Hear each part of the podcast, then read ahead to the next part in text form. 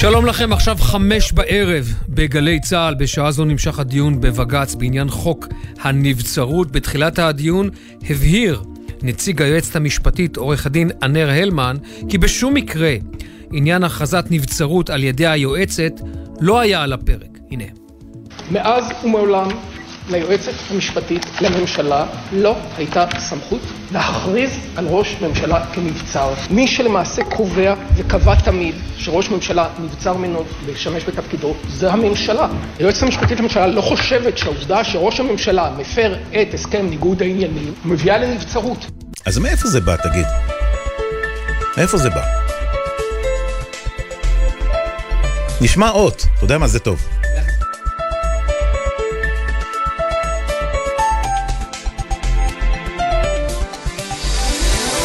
רן יבנאי ואמיר בר שלום עם יומן סיכום השבוע.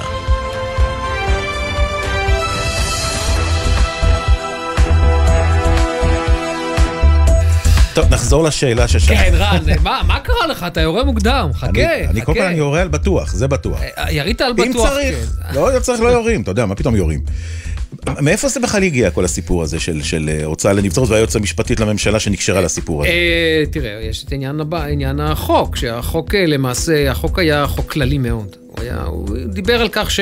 החוק לפני השינוי. כן, הוא דיבר על כך שאפשר להוציא את ראש הממשלה לנבצרות, אבל לא היו את העילות המפורטות בחוק, ולכולם היה ברור שמדובר בעניינים אה, רפואיים. רפואיים. כן, עיין ערך אה, אריאל שרון, זכרונו לברכה. כן. אבל אז הגיע אותו תיקון, אה, תיקון לחוק. אה, א', על ידי 12 ממשלת- נדמה לי. כן, 12, סעיף 12, שמתקן את החוק ולמעשה קובע שאי אפשר להוציא, להוציא אלא אם 75% משרי הממשלה, וגם אז זה צריך להגיע שוב להצבעה נוספת במליאת הכנסת, וברוב של 80%. בקיצור, לחשק את האפשרות לא, של אבל למה שורבב להוציא. שמה של בהרב מיארה לצורך העניין? כאילו היא זו ש- ש- שכאילו אה, מטילה אימה על הסיפור הזה של הנבצרות. זה, מה זאת אומרת שורבב? היא היועצת המשפטית, ראש הממשלה הוא נתניהו. אבל הנה, שמעת- את הנר. יש ביניהם תהום, תהום פעורה ביניהם. אבל שמעת את הנר. הלמן, מעולם, מעולם יועצת משפטית. אגב, להבנתי, ואני חושב שזה, אני חושב, אם אני לא טועה, זה היה פרסום של גיא פלג בערוץ 12, Mm-hmm. אה, לפני שחוקק התיקון לחוק, הוא עבר מסר מלשכתה של היועצת המשפטית לסביבת אה, נתניהו. שזה לא קשור ועדיין, כן, כנראה שזה עדיין לא שכנע, ולכן החליטו בכל זאת לחוקק ולחשק את האפשרות מלהוציא את אה, ראש הממשלה לנבצרות, אבל בוא, אתה יודע, זה, זה, אנחנו נכנסים פה לפלפולציה משפטית. עוד ש- יהיה לנו. כן, כן, אני כל הזמן חושב על אימא שלי, בת 82, מה היא מבינה נבצרות, ואתה יודע, ולהכיל את החוק וכולי, נגיע לא, לזה מיד נעסוק בהרחבה. בזה בהרחבה כן, כן, תכף, כן, זה אה, ברור, זה די ברור. מעט. חוץ מזה, השכלתי המשפטית לא כזו רחבה. גם שלי לא, אני חייב להודות. מה, מסמנים לנו משהו מעבר לזכוכה? לא, תמשיכו, ת- תמשיכו, אה, תמשיכו. תשמע, עברנו, אה, מה אני אגיד לך, שבוע טעון, מורכב, גם קצר, לא קצר. שהחל באמת בערב הקדוש, אז אתה היית ביוון, נדמה לי, אנחנו תכף נדבר גם על הדברים הטובים שחזרת איתם לא, מיוון. חזר, חזרתי ל... ליום כיפור אני עושה בישראל, אני אוהב את האווירה. יום כיפור, אז היית, אז היית פה, יום שאתה יודע, בבסיס בכלל אין לו מחלוקת ל, ליום הזה, לא צריך להיות כזה, המשיך בלוחמת הגרילה במגרשים, מגרשי הכדורגל, ועבר גם כבכל יום כמעט בחברה הערבית, עם רצח בחברה הערבית מזעזע, אה, שבאמת אי אפשר, בוא אין נאמר, מילים. עוד, עוד מעט יהיה כאן השר, אה, אה, אה, השר זוהר. מנס- ומנסור עבאס, חבר זוהר, הכנסת. אה, נדבר איתו, שר התרבות אה, והספורט, ויהיה גם מנסור עבאס שנדבר איתו, כן. על האירועים באירועים. אנחנו יודע, אני, הפסדנו. אני, אני מרגיש פוליטיקלי קורקט, מה זה אירועים? האלימות, האלימות בחברה הערבית. תשמע, כולנו מפסידים פה, זה, זה משהו, אתה יודע, אנחנו בדרך ממש למסור את המפתחות, ככה אני מרגיש, אבל יש גם אה, אופטימיות אה, בעסק הזה, ותמיד זה ניצחון הרוח של העם היהודי בסוף. כולם הולכים לאיזשהו קונצרט, איזושהי הופעה, וגם כוח קפלן, וגם המתנגדים, וכולם חברים, ואתה יודע מה, זה יפה לראות את זה, הייתי וואי, בהופעה אה, כזאת. לא קבענו, אתה יודע, לא קבענו שאתה תעלה את זה. אני אתמול בערב שידרתי כאן בגלי צה"ל את העצרת המרכזית לציון 50 שנה למלחמת יום הכיפורים שנערכה בלטרון. אני חייב לומר לך, רן, אתה יודע, אני- אתה מכיר אותי, אני ציניקן. ו- היה שם, זו הייתה קודם כל עצרת שסיפרה את, כל כך יפה את הסיפור של, ה, של המלחמה, והיו שם כולם. היו שם משפחות שכולות, והיו שם לוחמים, והיו שם, אתה יודע מה, שמאלנים, אשכנזים, דרוזים, יהודים. ימנים. כ- ימנים ושמאלנים, חובשי כיפה וחילונים. ואתה יודע, אתה מסתכל על זה, ואני כרגע, אני לא, זה לא ברמה הקלישאית, זה לא ברמה הקלישאית לחלוטין, ואתה מסתכל ואתה אומר, רקמה כולנו אנוש- אחים אנחנו, כן, רקמה בסוף. אנושית, רקמה אנושית ופסיפס ישראלי, ואתה אומר, יא, חייבים, חייבים פשוט להוריד את הלהבות, ושאפו, חייבים, אני אומר, אני חייבים. חייב להגיד באמת, זה שאפו למי שהרים אתמול, אה, מי כן, שהרים את זה, זה משרד הזה. הביטחון. תקשיב, זה, זה היה באמת לספר את סיפורה של אה, מלחמת יום הכיפורים ב, אה, בערב, בערב אחד, שהיה אוקיי. היה מאוד מרשים. אנחנו רצים, כתבתנו לענייני משפט, אמר שונם, שנמצאת כרגע בבג"ץ. מבחינתנו זה מעבר לכביש מעבר הרי. לכביש. אפשר גם לראות אותה דרך החלון, אגב, יש חלונות מאחורינו, למי שלא יודע. תמר, מה העניינים? שלום אה, רן, שלום אמיר. כן, אז אנחנו כבר נכנסים לשעה השמינית של וואו. הדיון בבג"ץ חוק הנבצרות. ממש עכשיו אה, חוזרים מההפסקה אה, שככה טוב, עוד לקחו לא גם שברו, עוד לא שברו את השיא של לפני שבועיים. כמה זה, לא, 13 שעות? כן, משהו כזה. גם לא. תמר כמקלידה. לא, וגם לא ישברו, אה, אנחנו כנראה בשעה, שעתיים האחרונות אה, של הדיון. לא אמרת כלום, שעה, שעתיים האחרונות. אבל אה, בעצם איפה אנחנו נמצאים עכשיו קודם כל אה, נגיד? עוד רגע ממש אה. יתחדש הדיון אנחנו נשמע את הטיעונים את הסבב השני של הטיעונים של המשיבים כלומר נציג ראש הממשלה עורך הדין מיכאל רבלו נציג הכנסת עורך הדין יצחק ברט ונציג היועצת המשפטית לממשלה עורך הדין ענר הלמן. אבל אם צריך להסתכל רגע בזום אאוט על כל מה שקרה מהבוקר בשבע שעות הדיון שכבר היו לנו. אנחנו בעצם מדברים פה על דיון אחרי צו על תנאי. כלומר בג"ץ כבר עשה צעד מסוים, סימן כיוון אפשרי לפסיקה שלו, בעצם מבקש מכולם להתייחס לאפשרות של דחיית תחולת החוק שמונע הוצאת ראש ממשלה לנבצרות אלא בנסיבות מאוד מאוד uh, קיצוניות, בעצם מבקש להתייחס לתרחיש הזה. Uh, עורך הדין מיכאל רבלו, נציגו של ראש הממשלה, אומר בעצם אין בכלל מקום להתערבות הזו, זאת תהיה הת... התערבות שהיא ביטול רצון הבוחר, רמיסת בחירתם של מיליוני מצביעים, ומעבר לכך בכלל לא מדובר בחוק פרסונלי, הנשיאה חיות השיבה לו, אז למה פחות מ-12 שעות לאחר שעבר החוק, ראש הממשלה נשא נאום ואמר ידיי היו כבולות? בואו נשמע את הדברים. לא קשור בכלל לרפורמה. זה ברור שבממשלה, בממשלת האחדות של הליכוד וכחול לבן אי אפשר היה לחוקק את זה. לכן לא מבין איך הם לומדים. זה לא קשור לרפורמה, אבל שעות ספורות לאחר שהתיקון בא לעולם, אני מצטטת כאן מדברי ראש הממשלה, לצערי, עד היום ידיי היו כבולות, אני מודיע לכם, חבריי ידידיי, עד כאן. עד כאן? ברון, זו הייתה השופטת ברון, לאחר מכן גם הנשיאה חיות אה, חזרה על הדברים הללו, ומעבר לטענה אה, של אה, עורך הדין מיכאל רבלו, שאין מקום להתערבות כי החוק הזה הוא לא פרסונלי והוא לא קשור לרפורמה והוא לא נועד לטענתו לפטור את ראש הממשלה מהמחויבות שלו להסדר ניגוד העניינים שלו, הוא אומר באופן כללי אין מקום להתערבות של בית המשפט כי אין לו סמכות להתערב בחוקי יסוד. השופט עופר גרוסקופ אומר לו, אנחנו הוסמכנו, בית המשפט הוסמך לפרש חוקי יסוד ודחייה דחיית תחולה, הפתרון שבוחנים עכשיו הוא פרשנות, כלומר הוא מבהיר את הסוגיה הזו. מהצד השני שמענו מקודם את הדברים אה, של עורך הדין ענר הלמן, נציג היועצת המשפטית לממשלה, שמבהיר בעצם ליועמ"שית אין את הסמכות להכריז על נבצרות של ראש הממשלה, היא יכולה לתת את חוות דעתה לממשלה, אבל הממשלה, הרשות המבצעת, היא זו שקובעת בנושא, ומעבר לזה הוא אומר, גם במקרה של נתניהו, גם אחרי הקביעה שנתניהו הפר את הסדר ניגוד העניינים, זה לא מוביל לנבצרות, ואז השופט השופטת יעל וינר מנסה לאתגר אותו, אז היא אומרת, אז על מה בכלל העניין? כי למה אתם קוראים למשל, בסבב א' היא הרי קראה לפסול היועמ"שית את חוק היסוד. ואז הוא מבהיר, כי זה שהיועצת המשפטית לממשלה חושבת שזה לא מביא לנבצרות, לא אומר בהכרח שבית המשפט יחשוב אותו דבר, ומונעים פה בכלל את היכולת של בית המשפט לדון כן. בסוגיה הזו. בוא, ומאל... נשמע, בוא נשמע דברים, בוא נשמע, תמר, בוא נשמע דברים שאומרים השופטים אלרון וסולברג, שכאילו, את יודעת, הם כן מצדדים, והם אולי, זה מצביע על הכיוון של, ה, של מי שכן עצמו. תומך. כן, כן, כן, מי שכן תומך בתיקון עצמו, הנה. והנושא הזה של טוהר המידות כל הזמן חוזר על עצמו. נראה לי שבאיזשהו מקום הרחקתם לכת. החוק המתקן הזה, נשקיף עליו רגע בעיניים אובייקטיביות. בצעירותינו היו אומרים לדפוק את אגד. מה, בגלל שאנחנו רוצים אה, להעניש על כל הדרך אה, ש, שנעשתה לחקיקת החוק הזה, בסוף נפגע בציבור כולו שנחזור להסדר עמום, חסר, בשעה שיש על הפרק כבר הסדר לא רע בכלל. כן, אז אנחנו בעצם שמענו את הדברים האלה, אליהם הצטרפה גם הנשיאה חיות שאמרה ממש לפני ההפסקה, חוקי יסוד לא וואו, תמיד... רגע, רגע, רגע, זה מפתיע. השופטת חיות, הנשיאה חיות הצטרפה לדברים האלה של אלרון וסולברג, לא שהם טוענים שהתיקון של החוק הוא... לא, היא לא ממש הצטרפה. אלא... קודם כל, תמיד כשעורכי הדין טוענים, השופטים מנסים לאתגר אותם בלי קשר לדעתם אה, של השופטים, אז בעצם הנשיאה חיות, מה, מה היא באה ועשתה פה? היא באה ואמרה לעותרים, תראו, תיקונים לא מוצלחים של חוקי יסוד היו לנו גם לפני החוק הזה, גם ההסדר הקודם לא היה מוצדק, אה, מוצלח, אבל מכאן ועד הצדקה להתערב בחוק יסוד ששוב זה צעד שבג"ץ מעולם לא עשה, זה צעד קיצוני לכל הדעות, אה, מרחיק לכת, צריך כאן עילה מבוססת והיא שואלת האם כאן זה המקרה, האם כאן זה דורש, עכשיו אנחנו רואים את הדיון מתחדש, עורך הדין ענר כן. הלמן, נציג היועצת המשפטית לממשלה טוען, יש לנו גם את אה, נציג הכנסת, את נציג ראש הממשלה, ברור. עוד שעה שעתיים לדיון. כן, לפחות, כן. לפחות תמר, שעה, תמשיכי, שעתיים. תמשיכי לעקוב, מאוד מעניין מה שסיפרת עכשיו על בהחלט. הציטוט הזה של הנשיאה חיות, תודה רבה. תודה, אה, תמר. שים לב, אבל שים לב מה היא אמרה, רק אני- אני חידוד אחד, שים לב מה תמר אמרה שמצטטת את חיות. האם זה המקרה שבו בג"ץ צריך להתערב בחוקי יסוד?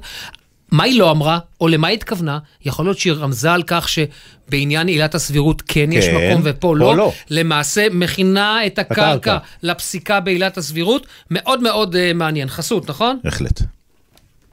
בחסות, הום סנטר, המציעה מגוון מיקרוגלים, שואבים ומסכי טלוויזיה עד 35% הנחה. חג שמח, הום סנטר, כפוף לתנאי המבצע. טוב, אה, עדכוני תנועה, חלק מהם אה, לפחות, שאנחנו אה, יודעים, כביש מספר אה, 65, עמוס ממחלף קדרים לכיוון מחלף עיילבון, וזה בגלל אה, תאונת דרכים. בכביש החוף אה, לצפון, עומס תנועה מרשפון עד אה, נתניה, כביש החוף תמיד מרכז עניין ביום חמישי, וזה. תגיד, איך היה, איך היה, תכף, מיקי זוהר, אנחנו רוצים אותו עכשיו, את השר מיקי זוהר, אבל... הוא בממתינה, אז בממתינה, אז מיקי, אם אנחנו אתה נשמע- שומע אותנו, רד מהממתינה בבקשה. אתה יודע, רדיו זה על דקות, זה לא... אין לנו הרבה מה- זמן. מה- זה ניחוח מיוון, משהו שהבאת איתך. הקפה שאני שותה עכשיו? כן. כי יוון זה לא זר לך, אתה כל הזמן ביוון. לא, יוון לא זרה לי, אני מאוד אוהב את, ה... אני מאוד אוהב את, אה, את יוון, ואתה יודע, היא מאוד דומה לנו. כן, יש המון, המון איפה לבקר. אה, כן, לא תראה. שבארץ אין. כן? אה, אני, אני מחובר גם לתרבות מבית, אז, אז זה מדבר אליי, זה מדבר אליי מאוד. מה עוד אפשר להגיד על יוון? אני חושב שהיוונים התחילו להבין אחרי הרבה שנים שישראל היא נכס לא נטל, כי הרבה שנים היוונים, היוונים אה, אה, במיוחד לפני עשור ויותר, לא אהבו, ראו לצנינים את ההתקרבות שלנו לטורקיה. היום הם אה, אה, מבינים שזה... אבל תגיד, מזג האוויר, אתה במקומות שהיית, מזג האוויר פגע? כן, ש- לא, לא, היה מצוין. היה, אני הייתי בדרום, אה, הייתי בדרום, בדרום יוון, באזור הפולופונז, היה מזג אוויר Mm. נהדר. אגב, אתמול בערב, חבר שנמצא בפיליון שלח לי שוב סערה והצפות כן, ב- אבל לא כמו. שהיה.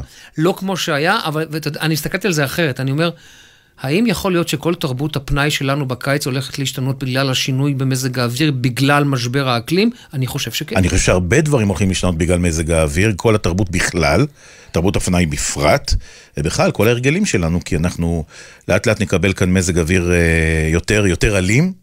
בדיוק. אה, אני גם הייתי אומר גם, או- או- אני אקרא לזה הרבה יותר אה, לא צפוי, כלומר, חום וגשם, דברים שאנחנו כישראל לא ראינו רגילים, היינו רגילים לעונות דיכוטומיות, כלומר, או אביב, או סתיו, או חורף, או קיץ, ופתאום אנחנו מקבלים איזה מין סלט כזה שקצת אנחנו לא יודעים להתמודד, אה, להוציא את המיל או לא להוציא את המיל. הבדיחה בירושלים שבה גדלתי, ברגע שנכנס סוכות מורידים תפוח.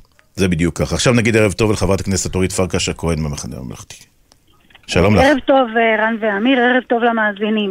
תגיד, התנגדת בזמנו להצעת החוק של אופיר כץ, אה, חוק הנבצרות, עדיין חושבת שצריך אה, להיפסל או להצטמצם באיזושהי צורה? כן, בהחלט. אתה יודע, היה לי הכבוד המפוקפק להיות חברה בוועדה המיוחדת שהקימו.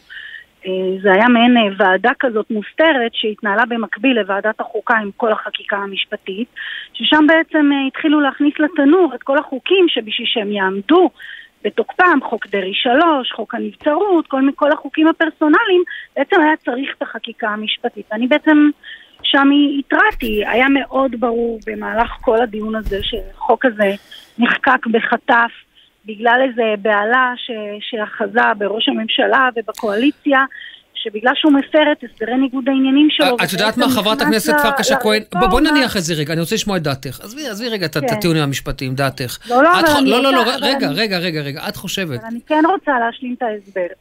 כי צריך, אני כן הייתי רוצה שהמאזינים יבינו מה זה הסדר נבצ- נבצרות.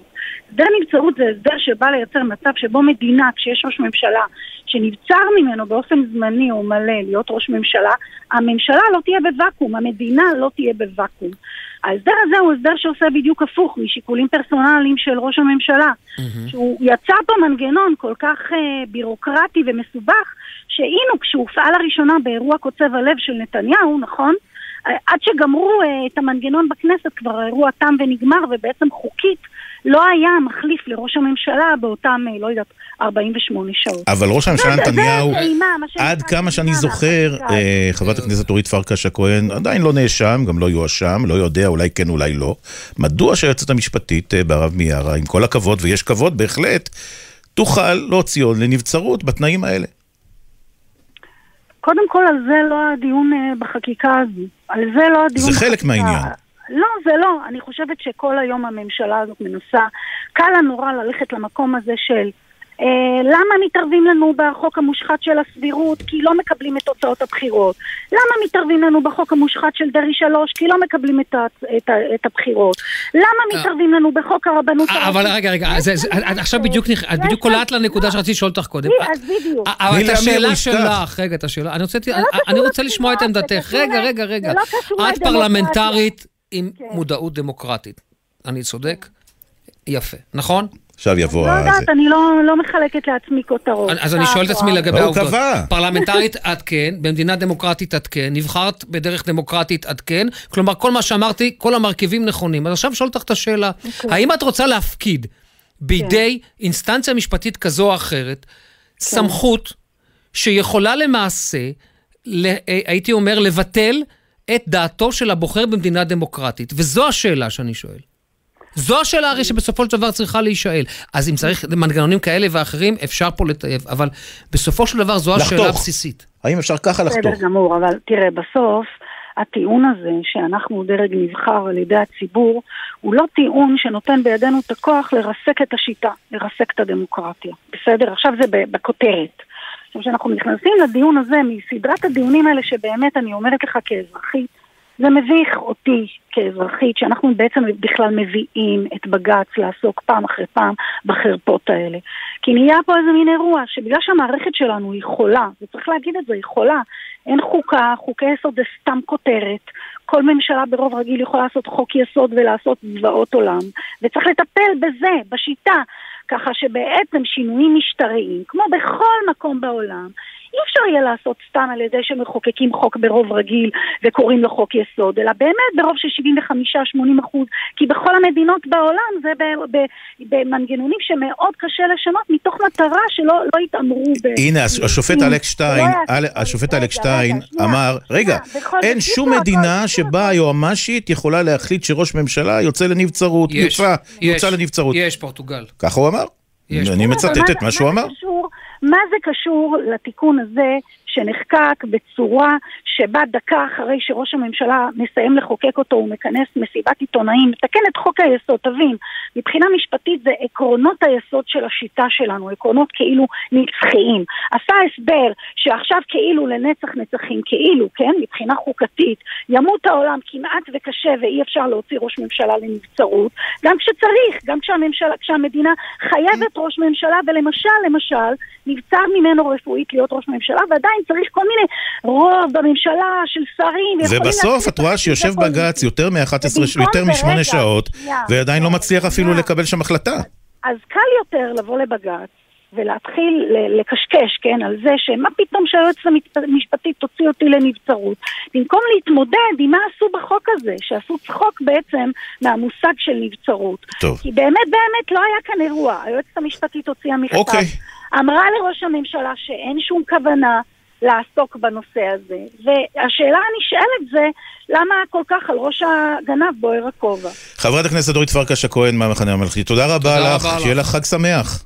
חג שמח ושנה טובה עם סדרי עדיפויות אחרים, שטפלו קצת ב- ביוקר המחיה. אתה יודע, סיימתי שבוע של העברות 400 מיליון שקלים לחרדים באמצע הפגרה, לחינוך רק של מגזר מסוים, אוקיי. ושנה של סדרי עדיפויות אחרים. תודה, תודה, תודה תודה רבה לך. ואנחנו רוצים עכשיו. להגיד ערב טוב לשר התרבות והספורט מיקי זוהר. שלום, שלום וברכה. תגיד לי, אם היית אומרת שבמסגרת השנה החדשה, גם שאולי הבשורה תהיה גם שהפועל תנצח בדרבי, היית מצטרף לזה? רגע, תכף נדבר איתו גם על כדורגל. לא, אני, בוא נתחיל מזה. רגע, אתה, אתה חותך את השווארמה, אתה מחמם קודם. אני לא בטוח. השר זוהר, ערב טוב. נתחיל מההתחלה, או שאתה... אתה איתנו? כן, כן, בהחלט. אה, לא, לא, זה הייתי חייב פה להכניס לרן על העניין של הפועל.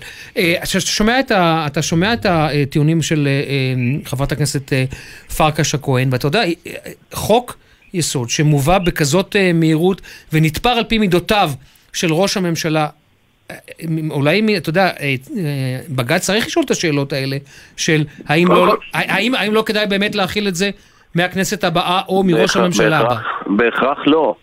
קודם כל זה בסדר גמור שבג"ץ ישאל את השאלות ויש גם תשובות. צריכים לזכור, כל חוק שנולד, הוא נולד מנסיבות. אנחנו, בדרך כלל חוקים שאנחנו מחוקקים בכנסת, בין אם הם קשורים לעולם המשפטי ובין אם הם קשורים לעולמות אחרים, הם מגיעים מנסיבות מסוימות שקורות בשטח, שמביאות אותך לכדי רצון לחוקק. עכשיו, לבוא ולומר שזו חקיקה פרסונלית, הרי איזו אמירה לא מדויקת זאת, שהרי ברור שזו חקיקה שמטפלת בכל ראש ממשלה באשר הוא, וזה לא משנה אם זה היום נתניהו או מחר יהיה מישהו אחר. כן, אבל, אבל, אבל השר זוהר, אם, לא אם באופן... לא, זה נכון, אבל אתם, מה שקרה עם חוק היסוד הזה, הוא לקח את החוק שהיה קודם, הייתי אומר, נתון לפרשנות, ושם פה חישוקים על ה... בוא נגיד כך, על הדרג, אה, אה, אה, נקרא לזה, המבקר, או על, על הדרג המייעץ, הייעוץ המשפטי. בעניין לא הזה, ולמעשה הפכת את זה כמעט, לא, אבל הפכת את זה כמעט לבלתי אפשרי, להכריז נבצרות על ראש הממשלה.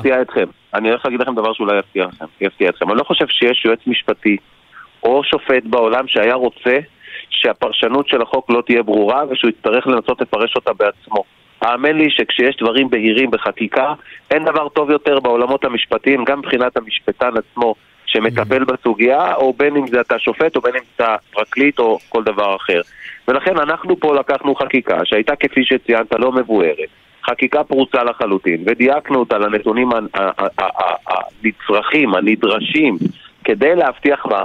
להבטיח את היכולת הדמוקרטית של נבחרי הציבור לממש את אמון הציבור לעשות את העבודה בגין משהו. אתם למעשה חישקתם מאוד, אבל, אבל השר זוהר, אתם חישקתם מאוד את היכולת של היועצת המשפטית להכריז על נבצרות של ראש ממשלה. אגב, וזה, אני, אני, אתה תגיד מיד, זה לא מופיע בחוק, נכון? בג"ץ דיבר על זה, ואז מכאן, מהחלטה של בג"ץ, למעשה הסמכות נתונה בידיה. ועדיין... נו, אז איך אנחנו פותרים מצב כזה? אם יש מצב שיש כאן סמכות שהיא קנויה בכלל לממשלה, ואנחנו רואים שמשתמשים בה, או ניתן להשתמש בה באופן אחר, כי יש לקונה. אבל היא הבהירה שלא, היא הבהירה חד משמעית שלא, כולל לא היום. קודם כל אני שמח שהובהר שמי שמחליט זה הממשלה ולא היועצת המשפטית לממשלה. אז קודם כל טוב שזה הובהר. ומעבר לזה, גם שופטי בית המשפט שמסתכלים על החקיקה ומתבוננים על הדברים שכתובים שם, מה הם רואים? הם רואים שלקחנו חוק שהיה פרוץ לחלוטין, ואנחנו הופכים אותו להרבה יותר מדויק. מה המטרה, ואני חוזר ואומר, היא רק אחת, להבטיח את הרצון הדמוקרטי. אם מישהו בחר באדם מסוים להיות ראש הממשלה שלו, או בתפקיד אחר, יש uh, צורך אמיתי, על פי כל קנה מידה דמוקרטי, שאותו אדם שנבחר יוכל להמשיך לכהן מבלי שיבוא אדם שלא נבחר ויגיד, תשמע אדוני, אתה בעיניי לא ראוי לכהן. השר זוהר, אבל אה, ראש הממשלה נתניהו חתם על הסכם ניגוד העניינים בידיעה, בידיעה. קודם כל, הסכם ניגוד העניינים שעליו אה, חתם אה, נתניהו בעצם מדבר בעד עצמו. הוא הבטיח שהוא לא יעסוק בנושאים שקשורים למשפטו. אז דבר אחד ברור, okay. אוקיי. שטיפול ברפורמה המשפטית ובוא נגיד לפחות מה שנתניהו מנסה לעשות, להגיע לאיזשהן פשרות ואיזשהן הסכמות, בין זה לבין אה, המשפט שלו ברור שאין שום קשר. לא, אבל חוק, אבל חוק הנבצרות נולד בגלל העניין הזה. לא, אבל מה קורה עכשיו? בואו נבין מה קרה. מהרגע שנתניהו החליט לנסות לטפל בבעיות הרפורמה המשפטית כדי באמת להגיע לאיזושהי הסכמה רחבה, היא יכולה לבוא היועצת המשפטית ולומר, תשמעו, בעיניי המהלך הזה הוא אסור כי יש נגיעה, לתפיסת, לתפיסתה, לנקודת המבט שלה, שיש נגיעה בכל מה שקשור למשפטו ועל כן צריך להוציא אותו לנבצרות. וזה דבר שלא יעלה על הדעת, אנחנו לא רצינו להיות בסיטואציה הזאת. אוקיי. Okay. אני אומר שוב, אה, מי שחושב שעצם החקיקה, מזמן שהיא נולדה, זה תוך כדי האירועים שנתניהו מעורב בהם, יכול לקרוא לזה חקיקה פרסונל, פרסונלית, הוא טועה בתפיסה. שהרי כל חקיקה נולדת בשל נסיבות, ולאחר מכן טוב, יש זה- לה השלכות גם קדימה, לא רק על נכון, ראש הממשלה מש- הנוכחי, אלא על כל ראש כבר. ממשלה קדימה. נכון. אני רוצה להספיק אותך עוד נושא, קיבלתם המון אה, ביקורת בזמנו על הקמפיין שלכם עם הילד החמוד אה, נגד אלימות אה, במגרשים. אני רוצה לשאול אותך כ- כאבא לילדים, גם אני אבא לילדים, אתה, אני יכול לחיות היום בשקט כאבא, לשלוח את הילדים שלי למגרשי כדורגל? התשובה היא לא. התשובה היא לא. נכון להיום, בהתאם להתנהלות של קומץ אוהדים, צריך להדגיש, לא כל האוהדים ולא רוב האוהדים, אלא כן. קומץ אוהדים שבוחר להחריב כל משחק ולהשתמש בכל מיני פירוטכניקה מסוכנת. לא רק זה, גם הם מנסים להכניס אמל"ח מסוכן וחד, והם מתנהגים באלימות ובאגרסיביות. אלו אנשים שהורסים פשוט את המשחק. עכשיו, ברור הוא שהיום כאבא, וגם אני אבא לילדים, שרוצה לשלוח את הילדים שלי למשחק כדורגל, היום אני כבר לא בטוח בזה. בוא נגיד ככה, אם הבן שלי היום, בן השמונה או התשע, היה אומר לי שהוא רוצה ללכת עם מישהו אה, למשחק כדורגל שאני לא מכיר ואני לא אהיה שם כדי לבדוק שהוא באמת שמור ובטוח, לא הייתי מסכים לדבר כזה. כי זה מצב שהגענו אליו. עכשיו, כנראה אנשים רוצים לעצום עיניים ולהגיד לו שהכל בסדר, ושאנחנו מגזימים בקמפיין שלנו וחושבים שבאמת הכל אה, מוגזם ו- ופרוע, אבל זה לא המצב. אתה, המצב הוא מאוד מסוכן, נקודה. אתה מרגיש, אה, בוא נגיד, טוב עם התמונות שראית עם התנהגות הפרשי המשטרה? משום מה, נדמה לי, שלא. לא, אני- נדמה לי, אני חייב לומר לך, ובוא ננ- ננתק את העניין הפוליטי, אבל זה היה נדמה כאילו כאילו כאילו מדובר פה בחסימת איילון. איך שהם לא, התנהגו ברור. שלא, ברור שלא, ברור שלא, אבל אני רוצה להגיד דבר אחד. ה- המצב אליו הגענו באותו משחק, שבאמת היה גם אה, סיטואציה שבה אוהדים תמימים וטובים נפגעו על לא עוול בכפם. של בעצם הרוב. אחת. נכון, והם בעצם הרוב, אבל ממה זה נבע? וזה מה שהציבור צריך לדעת. בגלל ששעות ספורות לפני המשחק, המשטרה מאתרת מחסן אמל"ח עם סכינים וכל מיני דברים מאוד מסוכנים שהיו אמורים להיכנס לתוך האצטדיון ולבוא לשימוש האוהדים כנגד אוהדים אחרים. הם נכנסו ללחץ, הם החליטו להיות יותר קפדניים, יותר אגרסיביים בבידוק שלהם, משום שהם לא רצו שייכנס אמל"ח דומה אל האצטדיון. עכשיו, מה קורה? כשיש מעגל אלימות, גם אם אתה לא חלק ממעגל האלימות, אבל אתה סמוך אליו, אתה יכול להיפגע מהריקושט. אתה יודע מה, השר- זוהר, אני- אני- אני דיברתי קודם עם רועי העורך, אמרתי לו, תקשיב, אני אפילו מפחד מאיזושהי התלקחות של אש. איזושהי במגרש, נכון. לקרות. ואז, ואז לאן, גם אין, אין לאן לברוח, זה המוני אנשים, אה, אסון זה גדול יכול לקרות שם. גדול. תגיד, אתם מדברים. הרבה... אתמול נשרפו מכוניות בקריית אליעזר. כן. זיקוקים נכון. נפלו מהשמיים על נכון. ראשם של השחקנים. תגידו, לאן הגענו? תגיד, אתם מדברים... מה- מה- מה האנשים האלה מנסים לעשות? אני לא מבין. מה הם מנסים להוכיח?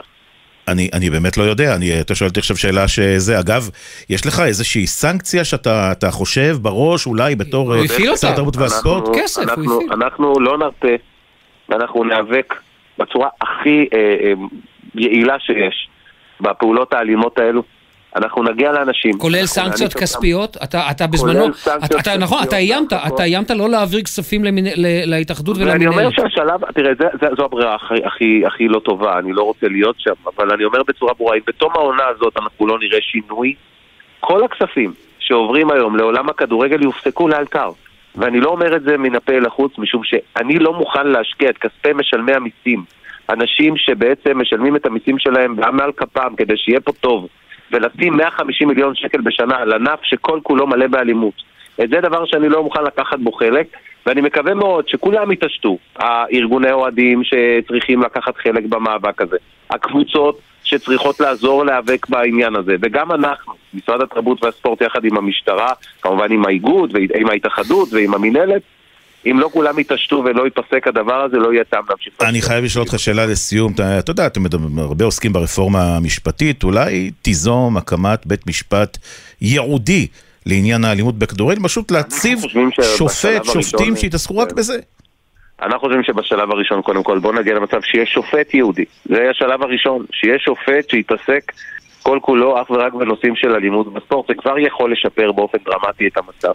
אז על זה אנחנו שוקדים, אנחנו עובדים על זה מול אה, שר המשפטים יריב לוין, וגם השופטת חיות היום, או מי שיחליפה בעתיד אה, כנשיא בית המשפט העליון, יצטרך לקחת חלק בזה ולהיות מיינדד לעניין הזה, ואני מקווה שנצליח במשימה הזאת.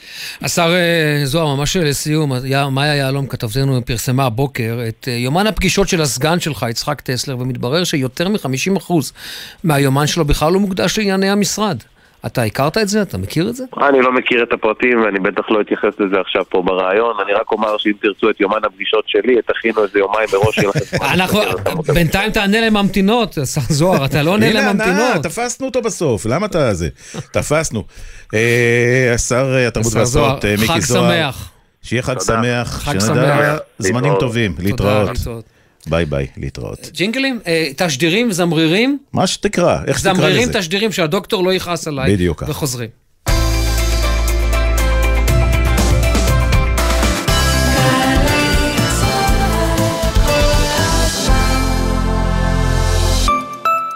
חוזרים מחו"ל? ודאו שאין לכם טרול בטרולי. צמחים, פירות, ירקות ודברי עץ מחוץ לארץ עלולים לשאת מחלות ולחבל בחקלאות שלנו. חוק הגנת הצומח אוסר להכניס צמחים, פירות, ירקות ודברי עץ ארצה. ודאו שאין לכם טרולים בטרולי ותימנעו מקנסות. משרד החקלאות ופיתוח הכפר. השירותים להגנת הצומח ולביקורת. א', עצור, מ', דברים שאפשר לעשות בסוכות בחיפה. מוזיאון חיפה לאמנות. מוזיאון טיקוטין. מוזיאון הימי הלאומי. מוזיאון העיר. מוזיאון הרמן שטרוק. משחק בריחה במושבה הגרמנית. חיפה, חמישה מוזיאונים, יום שלם של פעילויות לכל המשפחה ב-99 שקלים בלבד. פרטים וכרטיסים, באתר מוזיאוני חיפה. בהשקט ובבטחה, עמותת בוגרי הפנימיות הצבאיות בחיפה ובתל אביב מזמינה אתכם הבוגרים לכנס בסימן שבעה עשורים של מצוינות. כנס שיתקיים ביום שלישי, עשרה באוקטובר, מהשעה ארבע אחרי הצהריים, במתחם בית בירם של בית הספר הריאלי העברי בחיפה. להרשמה, היכנסו לדף הפייסבוק, הפנימייה הצבאית לפיקוד, עמותת הבוגרים והידידים. בואו כולכם, יהיה מרגש. פסטיבל הסרטים הבינלאומי חיפה, סוכות של קולנוע על הכרמל. עשרה ימים עם הסרטים זוכי הפרסים בפסטיבלים החשובים בעולם. עיריית ירושלים מזמינה את כולם להשתתף בצעדת ירושלים המסורתית, אירוע חווייתי לכל המשפחה. ב-4 באוקטובר, חול המועד סוכות. אנו מזמינים אתכם ליהנות מצעדת בוקר במסלולי טבע עירוניים מרהיבים. חגיגת ענק בגן סאקר, מופע מרכזי עם הזמר והיוצר דודו אהרון. וכמובן, מצעד ססגוני ברחובות מרכז העיר ירושלים, בהשתתפות מגוון אומנים מיצגי ענק, להקות מחול, תזמורות צעידה, חיילי צה"ל, קבוצות אורחות מחו"ל ועוד. לפרטים, אתר עיריית ירושלים. פסטיבל מספרי סיפורים חוגג 30 שנה באירוע מיוחד בסימן יובל למלחמת יום הכיפורים. מלחמה שהביאה איתה עשרות אלפי לוחמים אל שדות הלחימה, וחלק גדול מהם לא חזר. תת-אלוף במילואים אביגדור קהלני, אלוף במילואים איציק מרדכי, אלוף במילואים דוד עברי, ענת יהלום, רון בן ישי, מעוזיה סגל והפרופסור אבי אורי נפגשים על במה אחת לספר על המלחמה ששינתה את פני המדינה. בהשתתפות מירי אלוני ואביהו מדינה, מנחה ומנהל אומנותי יוסי אלפי. הערב בשש, תיאטרון גבעתיים, ובקרוב בגלי צה"ל. הלמבורגיני התחיל כטרקטור. תפוח אדמה יכול לייצר חשמל, ואת העננים אפשר לזרוע בשמיים. ואני לא אומר את זה סתם כי אני איתי הרמן, ואני אוהב לזרוק עובדות באוויר. אני אומר את זה כדי להדגים איך גם היום, בעידן הדיגיטל והבינה המלאכותית, חקלאות משפיעה על חיינו הרבה יותר ממה שחושבים. לרגל חג האסיף, אני מזמין אתכם לגלות איתי את ההמצאות והגילויים המרתקים של עולם החקלאות, שעודנו חי, בועט וצומח. יודע חקלאי פיקח, מוצאי שבת, א' סוכות, בשמונה, גלי צה"ל.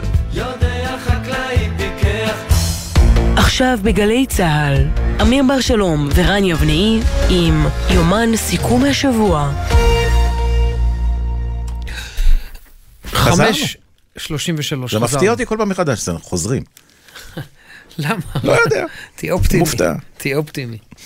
טוב, אה, אנחנו עכשיו אה, לגרמניה, שם אה, נחתם היום, נחתמה סופית עסקת אה, מכירת אה, טילי חץ אה, שלוש לגרמניה, העסקה הביטחונית הגדולה ביותר אי פעם שנחתמה בישראל, ועכשיו אנחנו אומרים שלום לשליחנו בגרמניה, דורון קדוש, שלום דורון. שלום רן ואמיר, כן, אז העסקה הביטחונית הגדולה בתולדות המדינה יצאה היום לדרך רשמית, כששר הביטחון גלנט ומנכ"ל משרד הביטחון אייל זמיר חתמו עם הגרמנים על מסמך ההתנעה של מכירת מערכת ההגנה האווירית חץ 3, בהצהרה שנשא לצד שר ההגנה הגרמני בוריס פיסטוריוס, גלנט הזהיר מפני הסרת אמברגו הנשק, הטילים, מאיראן, אה, הסרת האמברגו צפויה להיות בחודש הבא, וגלנט אמר שם, המל"טים האיראנים הם רק הפרומו למה שנראה אם אמברגו הטילים יפוג, בואו נשמע את הדברים שלו. The Iranian UAVs used to kill innocent civilians around the world serves as a preview for what the world will see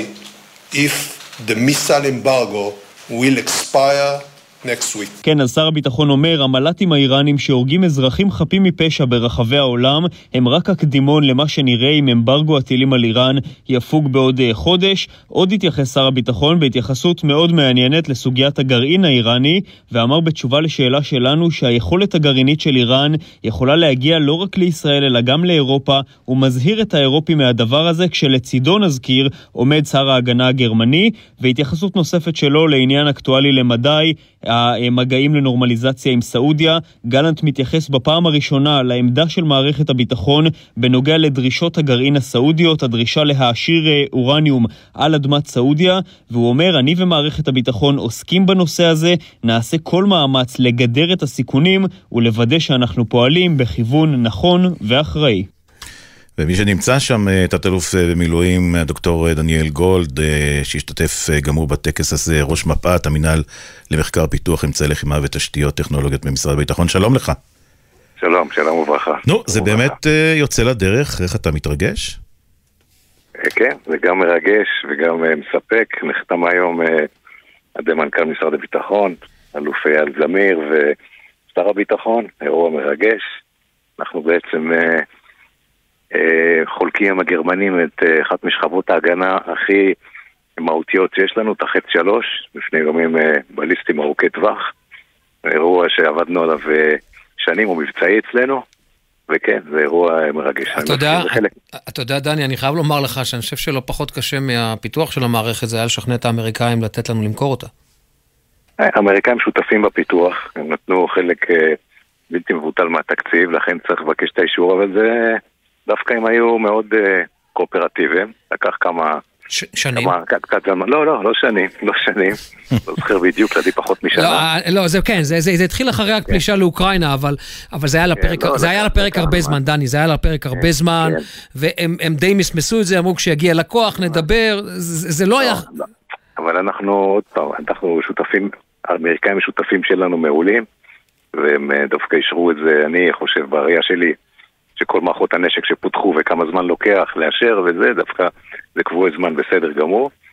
ויחד אה, איתם אנחנו מגינים לגרמניה, אני מזכיר, כן, שחטא שלוש זה אחת השכבות. יש לנו חטא שלוש, חטא שתיים, קהילת דוד. וכיפת ברזל, כן. ועכשיו עוד מעט אה, נכניס את הלייזר. בסך הכל זה אירוע... אה, ענית על השאלה הבאה, אבל לא פירטת. מתי הלייזר ייכנס להיות מבצעי? שנים ספורות, אני לא אנקוב במספר, כי אנחנו לא לא נוקבים במספרים, אנחנו עובדים על זה מאוד קשה, מאוד קשה, ממש uh, באותו קצב שעבדו על כיפת ברזל, שעובדים על כיפת ברזל, ואני רוצה רק להגיד שבעצם ההישג הזה הוא uh, כמובן מגן על אזרחי מדינת ישראל, תשתיות, תשתיות mm-hmm. אסטרטגיות וגם בגרמניה, וגם בעצם מציב את שיא הטכנולוגיה, חזית הטכנולוגיה בעולם, גם מבחינה טכנולוגית, גם מבחינה מבצעית, גם מבחינת התפיסה. וכל זה הודות כמובן לצוותים משותפים שלנו, גרמניה, ארה"ב, וגם הצוותים הישראלים, שזה מנהלת חומה במפת, אה, התעשייה האווירית, אה, צה"ל, חיל האוויר, משרד הביטחון, כל הגופים במשרד הבריאות משותפים. אז אתה יודע, דוקטור אה, גולד, יש לי שאלה שמטרידה אותי דווקא באירוע כה משמעותי. האם יש איזשהו מתח באוויר, אולי מאחורי הקלעים, דווקא מהצד הישראלי, על מי תרם יותר להצלחת כל העסק הזה, של העסקה הזו? התעשייה האווירית, משרד הביטחון, מפא"ת, או שיש שילוב כוחות אבסולוטי, ממש כולם מתרגשים אותו דבר? שילוב, אני חושב, שילוב כוחות אבסולוטי, עובדים באמת בצוותים משותפים, וכולם תרמו. אה, ואני יכול גם להזכיר במשרד הביטחון גם גופים נוספים, כמו מלמ"ב, בק"ס, עת"ק, יועמ"ש. כולם נרתמו למשימה, כמובן בהובלת מנהלת חומה במפת. לא, קחו דוגמה. כמו שיודעים לעבוד בישראל, כמו שיודעים לעבוד בישראל. רגע, אתה יודע... אה, אה, זה מרגש. דני, אני כן. חייב לשאול אותך, אתה יודע, אה, אני הייתי בגרמניה פעמיים בשנה האחרונה בעניין הזה. אני רק אספר למאזינים, למי שלא יודע, היה דיון חירום מיד אחרי הפלישה, הפלישה הרוסית לאוקראינה. הקנצלר שאל, מה יש לנו, אין לנו, הבין, גרמניה הבינה שאין לה שום הגנה מפני טילים. הקנצלר בדיון מיוחד שאל איזה מערכת הכי טובה, אמרו לו חטא שלוש, הוא אמר אני רוצה as is, as is, כלומר, אחד לאחד, נכון? אני לא טועה, אחד לאחד את המערכת הישראלית. ואז התחילו כן. הדיונים. אבל למה אני, למה, למה אני מספר, אני נותן את הקדימון המאוד uh, מחמיא הזה, לך, לישראל, לתעשייה האווירית, לכולם. האם יש כבר עוד uh, מדינות באירופה שרוצות את המערכת הזו? יש כאלה שמתעניינים, אנחנו לא מפרסמים מתעניין. אנחנו במערכות האלה סומכים על גרמניה כמובן, מדינה מאוד uh, ידידותית וטובה מבחינה ביטחונית ובכלל. אנחנו כרגע לא... אה, רגע, מה אמרת עכשיו? קונקרטי. אני הבנתי מה אמרת, אבל אם... אני הבנתי אין מה משהו אמרת. קונקרטי, אין משהו קונקרטי, אני מניח שיתעניינו בעתיד. לא, לא, לא, אני- אני מבין מה אמרת, אני אני חייב לחדד פה נקודה. אנחנו סומכים על הגרמנים, כלומר, ישראל לא תמכור את זה לכל מדינה, מחשש שיהיה כאן... ברור. ג- ברור, אנחנו, בכל מערכת נשק שישראל מחליטה למכור, יש, יש תהליך אישור ייצוא מסודר, אם הם מוכרים הם לא, ומה הגרסאות, כמו בכל מערכת, מהגנה בפני טילים עד אה, טילים והגנות ומה שאתה רוצה. אבל זה באמת, זה באמת כמו שהקאנצלר רצה? זה- זו אותה מערכת בדיוק כמו שיש בארץ? כן, כמובן, הם יצטרכו להתאים את זה לממשקים שיש להם בתוך אה, גרמניה ואירופה. כרגע זה לממשקים בגרמניה, שיוכלו להפעיל את זה בכל הממשקי שליטה ובקרה. אבל באופן עקרוני זה מערכות אה, דומות מאוד. זהות אפשר להגיד עד כדי, אני אומר, ההתאמות שהם אה, נדרשים לעשות. אה, מתי, אני חושב שהוא גם נקב, נכון, אה, החלטה של הקאנצלר, הוא נקב בתאריך. שהיא חייבת להיות מבצעית, נכון? מתי זה? זה 25, נכון? דצמבר 25 הוא רוצה שתהיה מבצעית על אדמת גרמניה. מבצעיות ראשונית, כן. וואי, זה אומר המון קווי ייצור, המון שטח, המון... לכן, לכן החתימה היום, מה שהיא הייתה, היא הייתה חתימה על מכתב כוונות, לא על החוזה המלא, שאפשר להתחיל לעבוד, לגבי אותה כספית, שכל התעשיות ואנחנו נתחיל לעבוד, ובסוף השנה ייחתם החוזה המלא, אבל בינתיים אנחנו מהיום מתחילים לעבוד בפול גז. בנוסף כמובן לפיתוח המערכות הישראליות, אנחנו עובדים על החטא שלוש הדור הבא, חטא שתיים הדור הבא, אה, קלע דוד הדור הבא וכיפת ברזל הדור הבא והלב. אנחנו עובדים על הכל במקביל, משכפלים קווי ייצור, מאיצים את העבודה, אה, מאמץ מאוד ניכר. מה לגבי מערכות האחרות, אה, דני? האם אה, יש התעניינות גם במערכות האחרות? אנחנו יודעים שנכון, יש, ק- אבל- קלע דוד נמכרה לפינלנד, אני טועה? נכון. נכון? פינלנד, פינלנד. אה, מעיל רוח נמכרה לגרמניה דרך אגב, זה הגנה על טנקים. כן. ו- ו- ו- ואנגליה ב- בהדגמות מתקדמות. ארה"ב קנתה כמובן גם מעיל רוח וגם כיפות ברזל, מתעניינים מאוד במערכות. כן, יש אה, זה, אנחנו כמו שאמרת, אבל אנחנו כל דבר שוקלים לגופו של עניין. טוב, אנחנו אה, כמובן אה, מתרגשים, מברכים אתכם מכאן. תת-אלוף במילואים אה, דוקטור דניאל גולד, ראש מפא"ת, תודה רבה לך. דני, תודה, שיהיה חג שמח. חג שמח. תודה, חג שמח, תודה. גם לכם. להתראות, תודה, ביי תודה ביי. ביי ביי, ביי ביי. טוב, מכאן נעשה מעבר חד. מאיגרא רמא. כן, אנחנו, איתנו חבר הכנסת מנסור עבאס, סיעת רע"מ, שלום לך. שלום לכם. שלום, דוקטור עבאס. ערב טוב. אז אתה יודע, אה, אני חייב לשאול אותך שאלה שאותי מטרידה. מה קרה?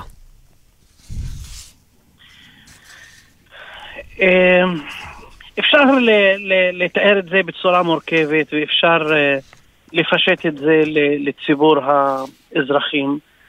אין ספק שיש לנו משבר בתוך החברה הערבית, שינויים מרחיקי לכת במשך השנים, שהביאה להתפתחות של תופעת פשיעה ואלימות מאורגנת בעיקר, וגם לא מאורגנת, שאנחנו מתמודדים איתה ומצליחים במישור הזה, אבל כפשיעה מאורגנת אנחנו איבדנו את השליטה. מצד שני, הממשלה שלאורך שנים הייתה רגילה אה, להפנות עורף לחברה הערבית, במיוחד בנושא הזה, נוכחות משטרתית דלה, ועוד יותר בתקופה של הממשלה הנוכחית, כמעט ומשכו את רוב כוחות המשטרה שנמצאים בתוך היישובים הערביים.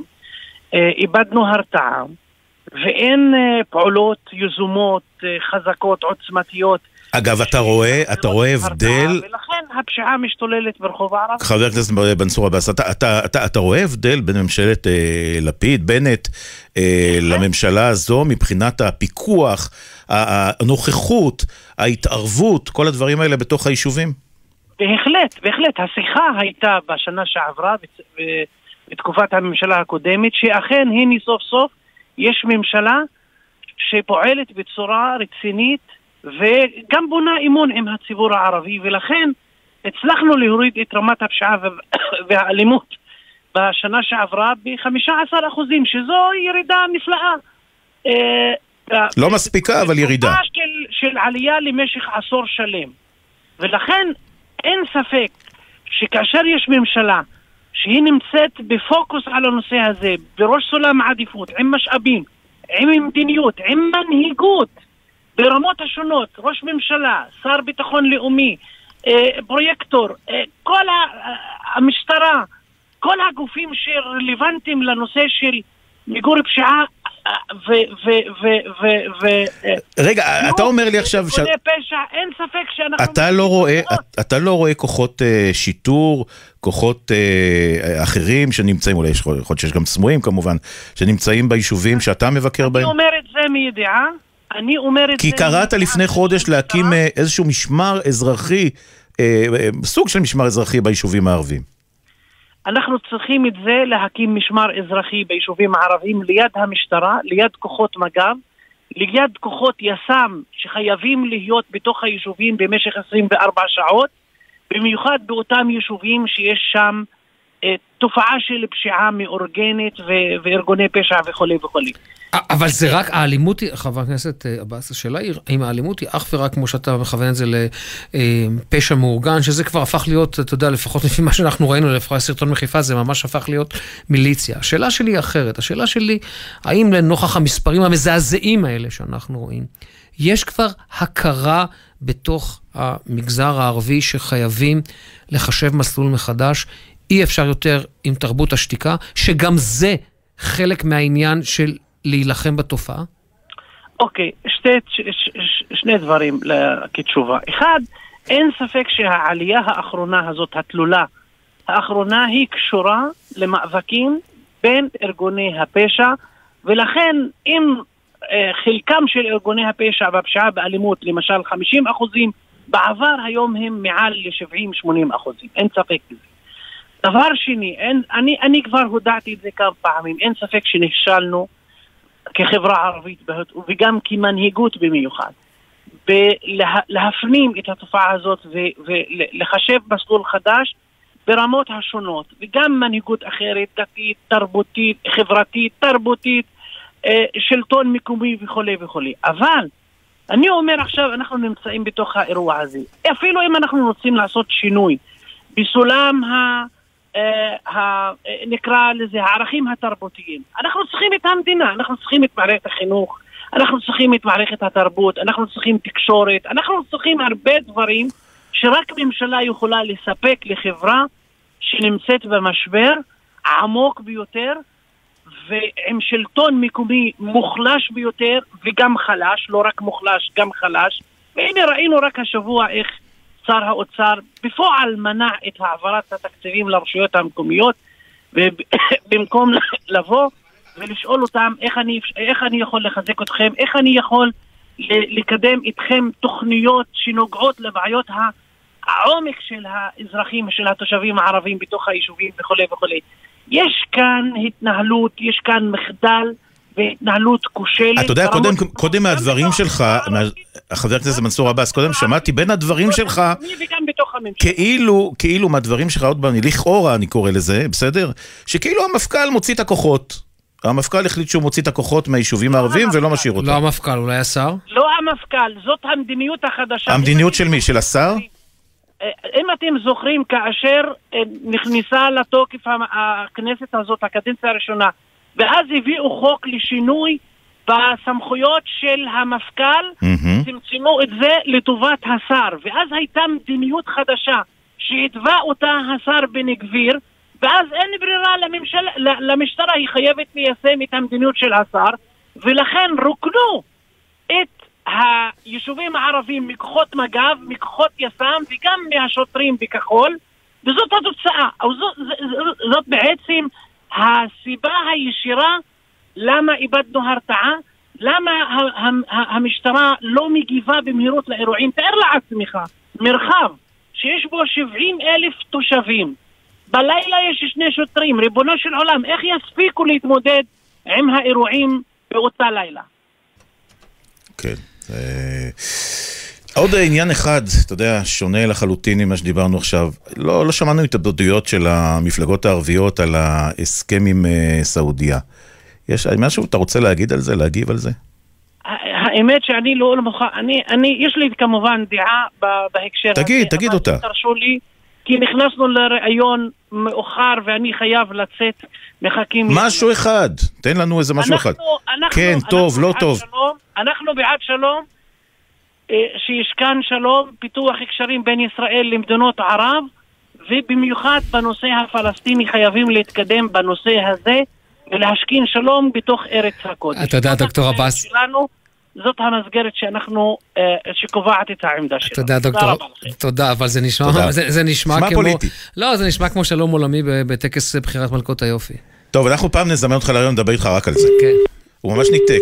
טוב, הוא ממש רץ כנראה לאנשהו. כן, גם אנחנו רוצים, אה, 5.49, אוטוטו 50, אנחנו ממשיכים אה, הלאה, ועכשיו אנחנו אומרים אה, אה, שלום, לא, לא, הוא הוא עדיין- לא איתנו, הוא אנחנו עדיין לא רוצים איתנו. לצלצל לדרום אפריקה עכשיו, כדי... אה, להרחיק עד דרום אפריקה. אפ- עד דרום אפריקה, כדי לשוחח עם הרב הראשי של אה, דרום אפריקה, הרב דוקטור זאב אה, וורן גולדשטיין, שאמור להיות איתנו מיד, או יהיה איתנו? תכף יהיה איתנו, ונורא מעניין לשאול, אתה יודע, על איך איך חגים שם, לא, בכלל, אפריקה. יותר מזה, מעניין איך האירועים כאן משתקפים. משפיעים, כן, בדיוק, משתקפים על מה, על מה אתה שקורה יודע שם. מה אותי מעניין? נו. אתה תצחק הרי, אתה יודע מה מעניין אותי, נכון? אותך מעניין אותך ביטחון. כן, ההתקרבות האחרונה של דרום אפריקה ואיראן, איך זה משפיע? אה, יש התקרבות של דרום אפריקה מאוד, ואיראן? מאוד, מאוד, מאוד. מה, מחליפים אה, ידע או יותר מזה? הכל, אתה, אתה רואה, אתה רואה ביקורים הדדיים, ואתה רואה הרבה מאוד אה, אה, הצהרות הדדיות, הד, הדדיות. אה, אתה רואה גם הקצנה של ממשלת דרום אפריקה כלפי ישראל. כן, זה מה נכון. שהוא, הוא, הוא, בוא נגיד ככה, זה מאוד רך ומלטף אה, מבחינת, ה, מבחינת האיראנים. אתה, רוא- אתה רואה את ההתקרבות הזאת, והיא די, הייתי אומר שהיא די מטרידה. אה, הרב אה, וורן עדיין לא איתנו, יהיה איתנו אה, מיד. אבל... אה, אבל זה אה, לוקח זמן, אנחנו דרום אפריקה, אתה יודע. כן, זה לאט, זה שעות הדבר הזה. הרב על הקו. הרב על הקו. שלום, הרב גולדשטיין, אתה איתנו? כן, כן. שלום לך. כן, שלום, שלום. שלום לך. יצא לך לשמוע ככה את השיחה שלנו? או שהיית... לא יצא לך, אני מניח. אם, אם, אם, אם אפשר על, על, על הוואטסאפ זה עדיף לי, אם אפשר להתקשר לוואטסאפ. אנחנו לא זהו. נספיק כבר, לצערנו, כי כן, רב. אתה כבר אז בשידור. אנחנו, אנחנו נעשה, אתה בשידור כבר, ונעשה את זה, במ- נעשה את זה במהירות עד כמה שאפשר. אז קודם כל, ספר לי, כמה- אה, ספר לי על יהדות דרום אפריקה. כמה יהודים יש כיום בדרום אפריקה? אה, שלום, אה, לא, לא ידעתי שאני כבר בשידור חי. הכל אנחנו עושים מהר היית, היית בסדר, דוקטור גולדשטיין, הרב, דוקטור הרב גולדשטיין, היית בסדר. אוקיי. לא דיברת שטויות. אוקיי, גרייט. יש, יש אה, יותר מ-55 אלף יהודים בדרום אפריקה, כן. איפה מתרכזים בדרך, ב- ב- ב- באיזה ערי- אה, אלו ערים? ביוהנסבורג, בעיקר ביוהנסבורג וגם בקייפטאון, 80 אחוז ויותר מזה ב- ב- ב- ביוהנסבורג והשאר בקייפטאון, מעטים במקומות אחרים. כמה מהם הם שומרי מצוות, הרב? או מחוברים ליהדות? זה העניין, אני, אני רוצה להגיד, אני חושב שזו נקודה מאוד מאוד חשובה. אמ, בדרום אפריקה יש לנו מושג כזה של זהות יהודית, אנחנו מדברים על יהודים. התגים האלו של, אמ, שהם התגים של דתי, חילוני, אה, דברים כאלה, אנחנו לא משתמשים בהם. אני חושב שזה מסר מאוד מאוד חשוב גם, גם למה שקורה בארץ. אה, ימין, שמאל, ספרדי, אשכנזי, דתי, חילוני, יש רק תג אחד שזה חשוב, שזה יהודי, ואני חושב, וזה, וזה אני, אני חושב מסר מאוד מאוד חשוב לזמן... תגיד, כבוד הרב, האירועים בארץ, כמה הם משפיעים עליכם? מה שקורה פה כן, בארץ. זה, זה, זה, זה ממש... הקיטוב הנוראי הזה. אני, אני חייב להגיד, אני, אני חייב להגיד שזה זה ממש um, עושה כזה, אה, אי אפשר לתאר את ה... באנגלית אומרים השוק, כאילו זה, זה כל כך um, ההלם. נורא, כן, בהלם, ממש, לראות יהודים ש, שרבים זה עם זה ב, ביום הכיפור, ואני חושב ש...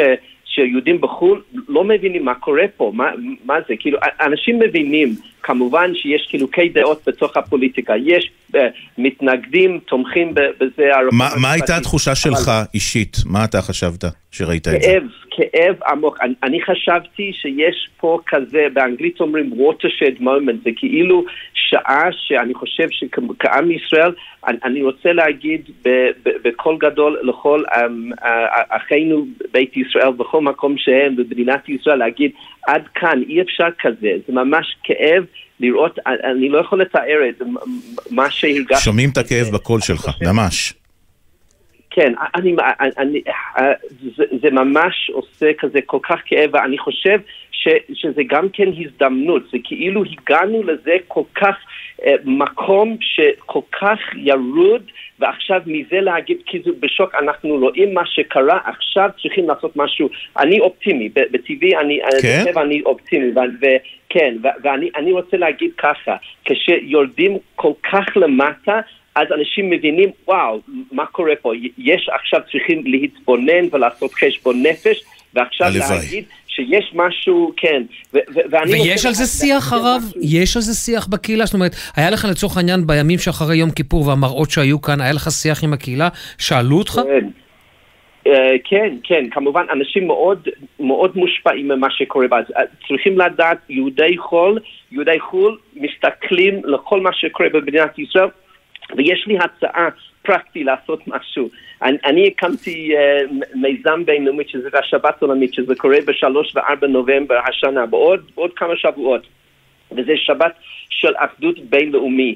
יש קהילות ביותר מ-1,600 ערים בכל קבוצות העולם, וגם בארץ, מן הצפון עד הדרום. ואני אני רוצה להגיד לך, אני יודע שכל הזמן אנשים uh, מדברים על זה שיש כזה מלחמת תרבותית uh, ומלחמת אחים בתוך מדינת ישראל. אני לא מוצא את זה. כשאני ניגש, מדבר על השבת, דתי, חילוני, ספרדי, אה, אשכנזי, הכל אנשים מקבלים בגלל שאני צריכים לשחרר את השבת, את היהדות מן הפוליטיקה. זה היינו. ממשיכים לדבר איתך עוד המון, אנחנו רק נגמר. לנו הזמן לצערנו הרב, וזה מבורך מה שאתה עושה. ותודה רבה לך. כן. תודה לך, הרב, שיהיה חג שמח. צריכים כאילו להקים תנועה, להגיד עד כאן. זה נכון, צריכים להגיד עד כאן. אני מסכים איתך. תודה אנחנו רבה. חייבים לסיים, תודה רבה, הרב. העורך הראשי של יומן הסיכון השבוע אורי ולד, הפיקו מאי נבון ונועה ארז על הביצוע הטכני אריאל קוזלף ומוטי זאדה, ביפו יואב מנדלוביץ', עורך הדיגיטל מתן קסלמן.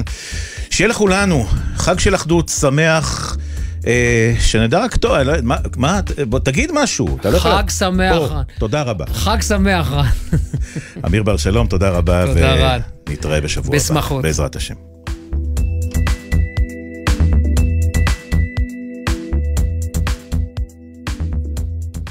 בחסות קולמוביל, המציגה את סוכולמוביל. ימי מכירות על יונדאי, מיצובישי ואורה. 1 עד 6 באוקטובר. לפרטים כוכבית 6858 או באתר החברה. מה נשמע, נשמע, סוף השבוע.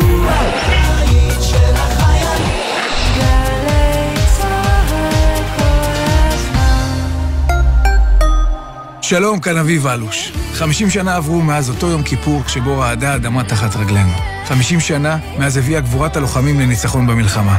לזכר הנופלים ובהצדעה ללוחמים, אגף המשפחות, ההנצחה והמורשת במשרד הביטחון וצה"ל מזמינים אתכם לסייר בכל המועד סוכות ברמת הגולן, באזורי הקרבות ובאתרי ההנצחה, וליהנות מתערוכות והופעות. לפרטים והרשמה חפשו בגוגל ישראל בעקבות לוחמים. מ-2 עד 4 באוקטובר ברמת הגולן. השומר, הבלם, הבלמח ההגנה, צהל גם, רואים כאן את כולם. בואו עם כל המשפחה למוזיאונים של משרד הביטחון להכיר את ההיסטוריה של היישוב העברי מראשית הציונות ועד הקמת מדינת ישראל וצה"ל. תערוכות וסיפורי גבורה במוזיאונים של משרד הביטחון ברחבי הארץ. חייבים לבוא לראות. המוזיאונים של משרד הביטחון. חפשו אותנו בגוגל. מגיש אגף משפחות, הנצחה ומורשת במשרד הביטחון. נוף הגליל מזמינה אתכם לפתוח שנה מתוקה, כמו דבש שוקולד, בפסטיבל השוקולד השישי של ישראל. בואו ליהנות, לבלות ולשמוח בחגיגה שוקולדית מדהימה, עם מיצגי ענק משוקולד, ומופעים והצגות מתוקות לילדים. 2 עד 4 באוקטובר, נוף פארק נוף הגליל. הפסטיבל בתמיכת משרד התרבות והספורט, ומשרד הנגב, הגליל והחוסן הלאומי. איפה אנחנו? איך נכנסנו לפקק הזה? למה נסעת מפה? עזוב את הטלפון עכשיו, אתה נוהג! מוכר לכם? בזמן הנסיעה עם המשפחה, מכניסים מראש ליישומון הניווט את מסלול הנסיעה המתוכנן, כולל מקומות העצירה בדרך, ונמנעים מכל התעסקות בטלפון הנייד. עוד עצות לנסיעה משפחתית בטוחה, חפשו בגוגל אסק רלב"ד. מרגלית צנעני חוגגת 50 שנות יצירה. יום מופע מחווה בהשתתפותה ובהשתתפות תמיר גרינברג, איתי לוי וחיים משה, שהצטרפו אליה לבצע את מיטב להיטיה מכל התקופות. במסגרת פסטיבל ראשון לציון, ראשון, א' חול המועד, שמונה וחצי בערב, היכל התרבות ראשון לציון, ובשידור חי בגלי צה"ל. דמיון חופשי מופע מחווה ליצחק קלפטר. אלונו לארצ'יק, אמיר בניון, דנה ברגר, מיקי גבריאלוב, גיא מזיג, קרולינה, חמי רודנר, חיים רומנו ואבי סינגולדה והחברים נפגשים תחת כיפת השמיים לחלוק כבוד למוזיקאי שעיצב ביצירתו, לחניו ונגינת הגיטרה שלו את המוזיקה הישראלית. אבל האהבה שלי היא לא האהבה שלו, לא, לא. במסגרת פסטיבל עין גב סובב כנרת, שלישי, שמונה וחצי בערב, בית גבריאל, ובקרוב בגלי צה"ל. מיד אחרי החדשות, ענבל גזית ואיתי הרמן, עם גילוי דעת.